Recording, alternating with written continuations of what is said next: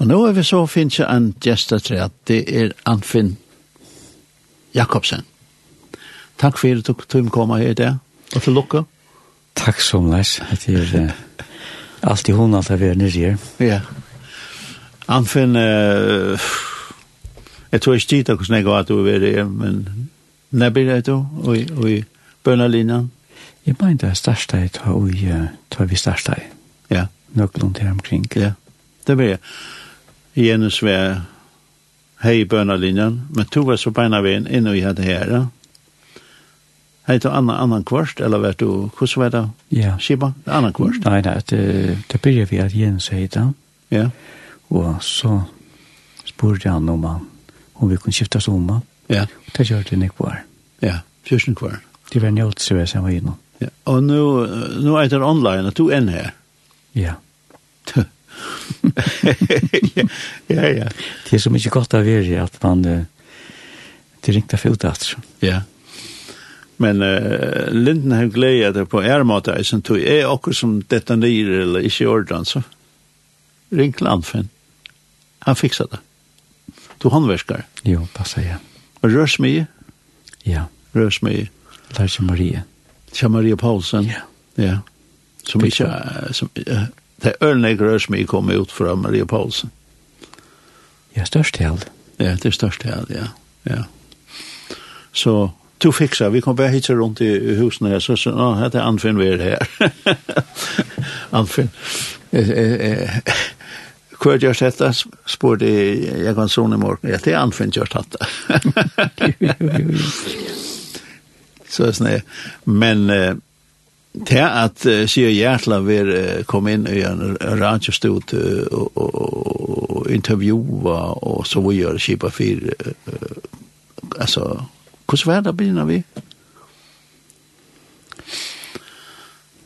Ja altså man gleis spekling ut at vi at uh, Jens han var så behagelig for som var vi så at uh, man følte seg sikkan og jeg ser meg så kommer bergling i arbeidet ja yeah. Men han som fikk meg nian der, det var så var ærg. Og uh, spurte meg om ikke hun kom om til evangeliet, sitt i kjørs det. Og spurte om ikke hun kom om at uh, det er samband med radio. Jeg visste ikke ordentlig hva hun måtte vi, altså. så at uh, jeg hoppet på hesten og får så om at vi evangeliet, og så var jeg igjen sånn nere, og det var rettelig stor fjøl som var nere her som som yngste at høyre hva han var bjå på han. Så fortalte han om at det er og bjå han kom nye der og viste åkken rundt der oppe her. Og da jeg kom inn her bønnerummet til åkken, da fikk, da kom det til meg, akkurat som tantanskene at etter at jeg var stod i noen, at her kommer det å sitte om cirka en avsatt tog. Ok, ja.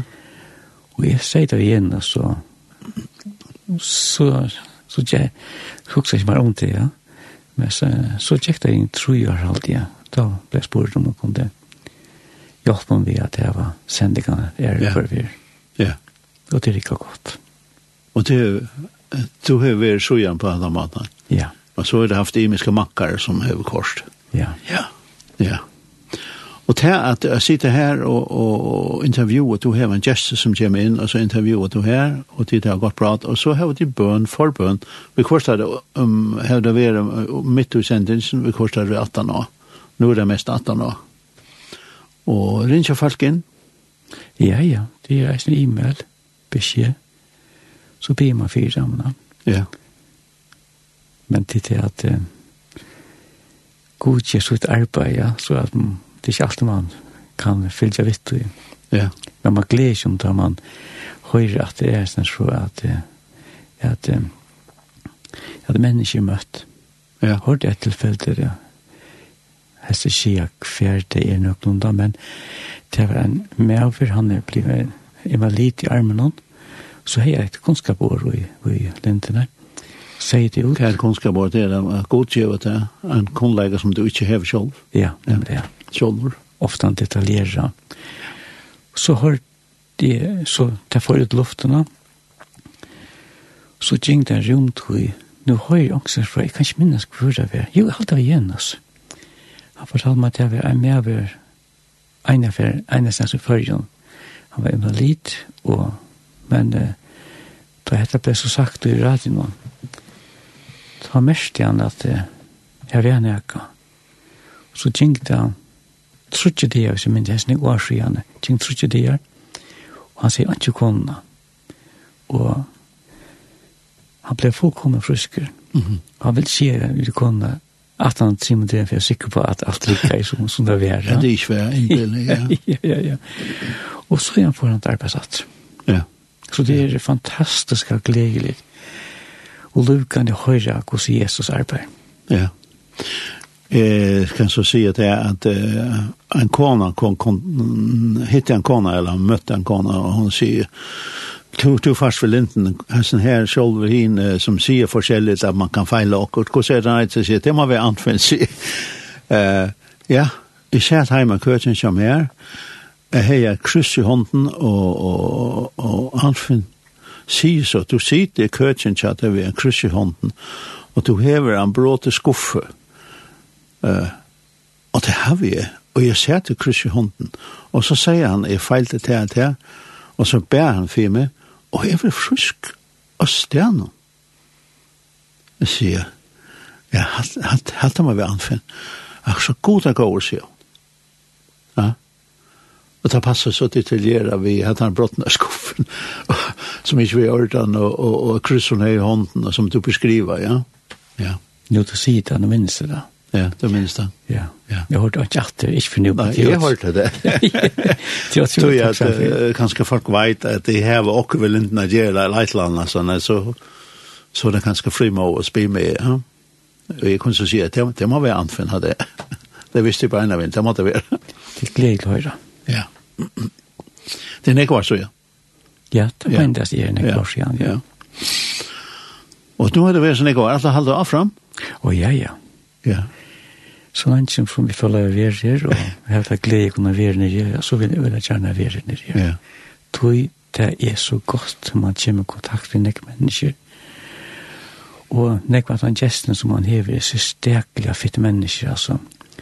Man kommer inn i det liv, og man kommer kjenne det, det er Ja, det er fantastisk at djevende kunne være inn bæg på en annen måte. Ja. Anfinn, uh, Linden har et et avtale sendinger, et enormt arkiv, nei, tusen imenske sendingar. og du fikk at hos huskått uh, for nøyre asøyene om å gjøre noe som du kallar løyve. Kan du fortelle oss litt om det? Ja.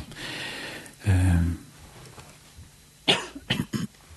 og sjekka med det er nekko asøyene at uh, det har kommet av tanken at uh, tar man hever en sending i lindene og, og fyrir ut, uh, Jason Jernig, og så var det lagt i arkiv, så spør han bare hvordan jeg fer inn i arkivet og leide etter det her, så jeg dyrgriper ui her.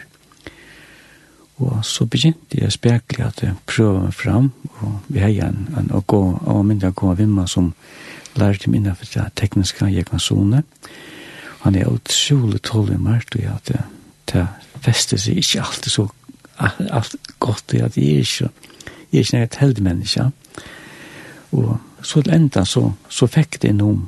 Og så igjen tog jeg gjør sendinger, og minst ångtene at jeg vet jeg kunne få sår etter. Da tog til teltene vi, og da det var bare heita seg sånne for det. Så platt jeg at fer inn i bojen, tror jeg tog meg til det varmen eh, ble avtekende. Og så, så, så sett inn her, at jeg redigerer sendingene ned i Spanien. Og tog det hjemme at vi, går til Lie, gamt i langer tog. Så nevnte det nemlig vi er sjående. Hvordan er det eit han på nere? Miske? Miske, ja. ja. Om at det er, så sier han, ja, det er en høyre alt, sier han. Så gav han tilfellene jeg til, og han hekta ikke beina under på, så, så det største er det. Ja. Og det, det er høyre. Og det er brått ur sendingen som du har haft, uh, særlig valgt ut. Ja en særlig løte som er oppstendt, man sitter og prater med folk, så kommer så en særlig løte som er særlig verdt å varveite og, og, og sende at. Ja. Takk for det, og, og takk for uh, alt arbeid du har gjort, og til lukke NNF. Takk for det, Kjolt. Og takk for at du kom i det. ja, takk for det, takk for det, ja. Vi kan sitte her og, og, og, og hun og kunne sinte og, og, og hukse om Guds gøske og nøye, at vi det sloppe at gjørst dette her og i øtlese årene. Kan du lukke å si et, ja. Preben? Jeg minns enda for man nevner i kvørste støv eller personer eller om, omstøv. Men det var en personer som uh, ringte inn med senten til Korda. Og hette bare for å lyse om ja. hvordan mulig man hever å komme inn og lyve til menneskene. Og det har vært en av mennesker som ringte inn og spurte om hun kunne ringe alltid til den personen sin sættene. Det gjør det. Hvis personen var utdjupast og djupast enn deg, mm -hmm. så her har man utrolig kommet mulig å kunne komme inn til deg og, ja. ved Jesus. Ja, fantastisk. Så Lorsan kan være spent og glad på at Anfinn kommer halda fram. Bæg vi løyve og vi sendingen online, høstkvöld. Det meint ja. Ja, det meins. Så, takk for det. Selv takk. Vi spiller et lær her, et enda, og det halte det skal være Margit Linda og Rekul Hongtor og Kross. Hongtor og Kross, vi svarer Tåta vera i heta Vi valde hans är dig Han gav sig så Du känna kunde sannleikan. Hva er det som fær til A sia nei til tan mann. Om Herren Kristus kom og stå her tjapter Hans er tar av at og kærleks Ei og tu ser Og ratten av glammer Stå hånd mot det der Hva kunde finne det a sakna til en damann Kunde tu lite eno i ei og hans. Da du veist at han hoksar karst om det Sagt i er i eit reier at djeva terra Jeg vil færa moine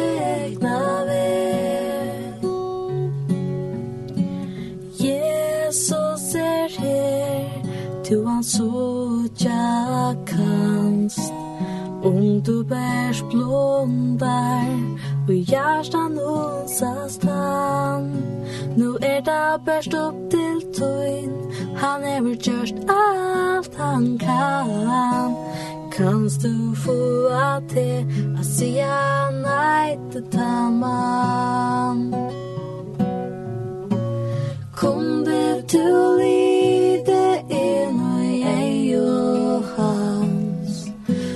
Du veist at han hugsar kærst om te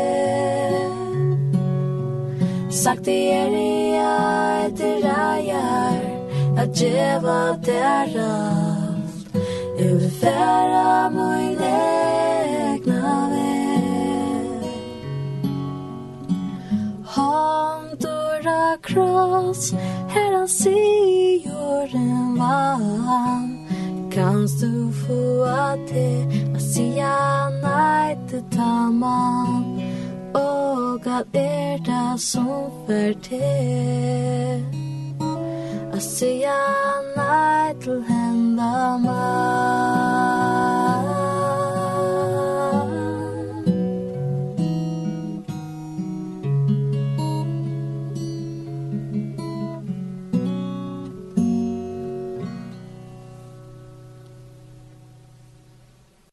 Det var så, det som kallas systra, det er Margit, Linda og Rekul, som, uh, og Brunarvik, det er alt kjenket det i det som er kallet evangelius, the North City Church, og det var hongt og kross, og det er tids åpne i, det første stortet vi tar til i Lindene, og halt teknikeren som er, han sier, Jakobsson, at det er det første leie som er tids opp i Lindene, vi finner ikke datum, men, men, uh, Det gjør det ikke verre for det.